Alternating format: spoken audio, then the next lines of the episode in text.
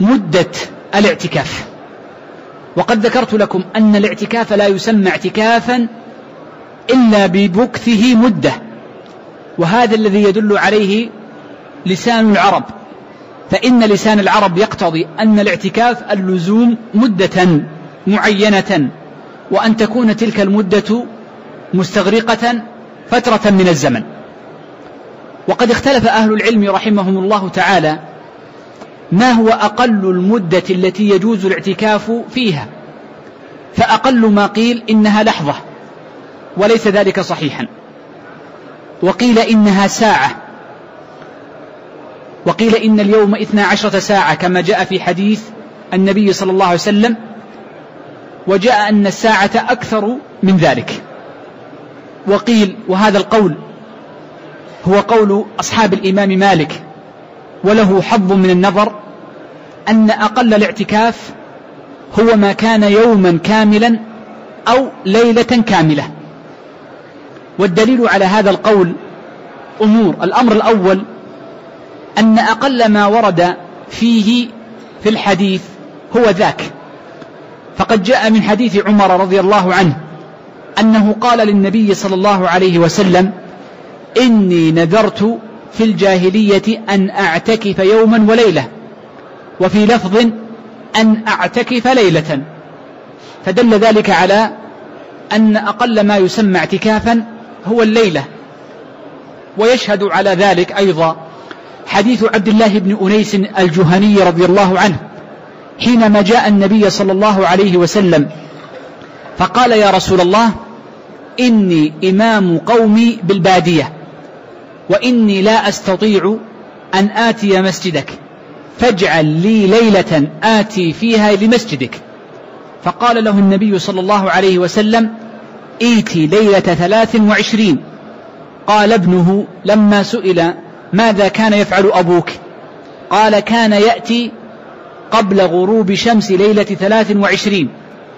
ويربط دابته عند باب مسجد رسول الله صلى الله عليه وسلم. ويمكث فيه ولا يخرج منه ولا لحاجة حتى الحاجة لا يخرج منها من المسجد. فإذا صلى الفجر خرج فأخذ دابته وذهب إلى باديته. وهذا يدلنا على أن أفضل أفضل الأقل ولا نقول هو أقل الواجب أقل ما يسمى اعتكافا ولكن لنقول إنه أفضل الأقل أن يلزم أن يلزم المرء المسجد يوما كاملا أو ليلة كاملة. وهذا هو قول أصحاب الإمام مالك رحمه الله تعالى ورحمهم ورحم علماء المسلمين.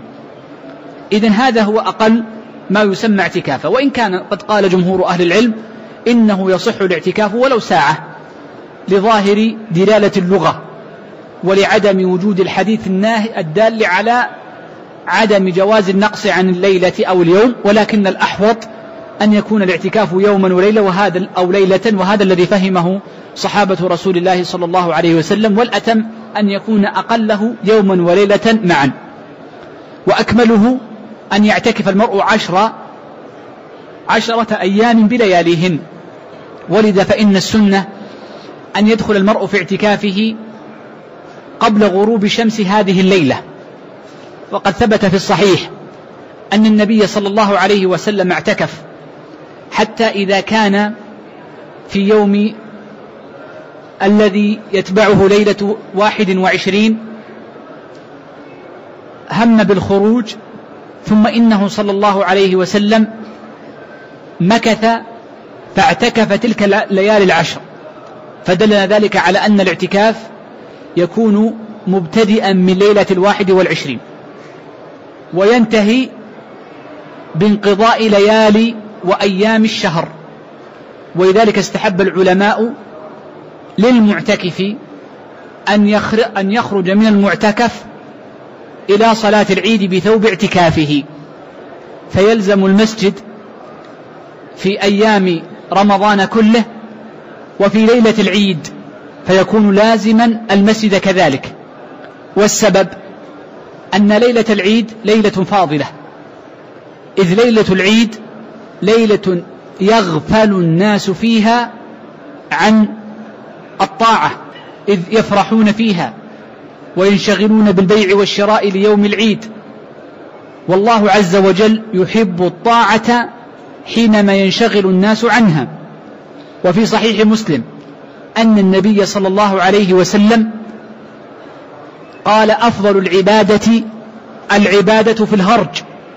والمراد بالعبادة في الهرج أي حينما ينشغل الناس عنها بصخبهم بالبيع والشراء وبقولهم أو عند وجود الفتن وغيرها. إذا عرفنا المدة عرفنا أقلها وعرفنا أقل الكمال وهو يوم أو ليلة أو يوم وليلة بكمالها وأما أتمها أي أتم الكمال فهو عشرة أيام بلياليهن وهو أفضله ومدته أن يكون في هذه العشر الأواخر من شهر رمضان كما فعل النبي صلى الله عليه وسلم.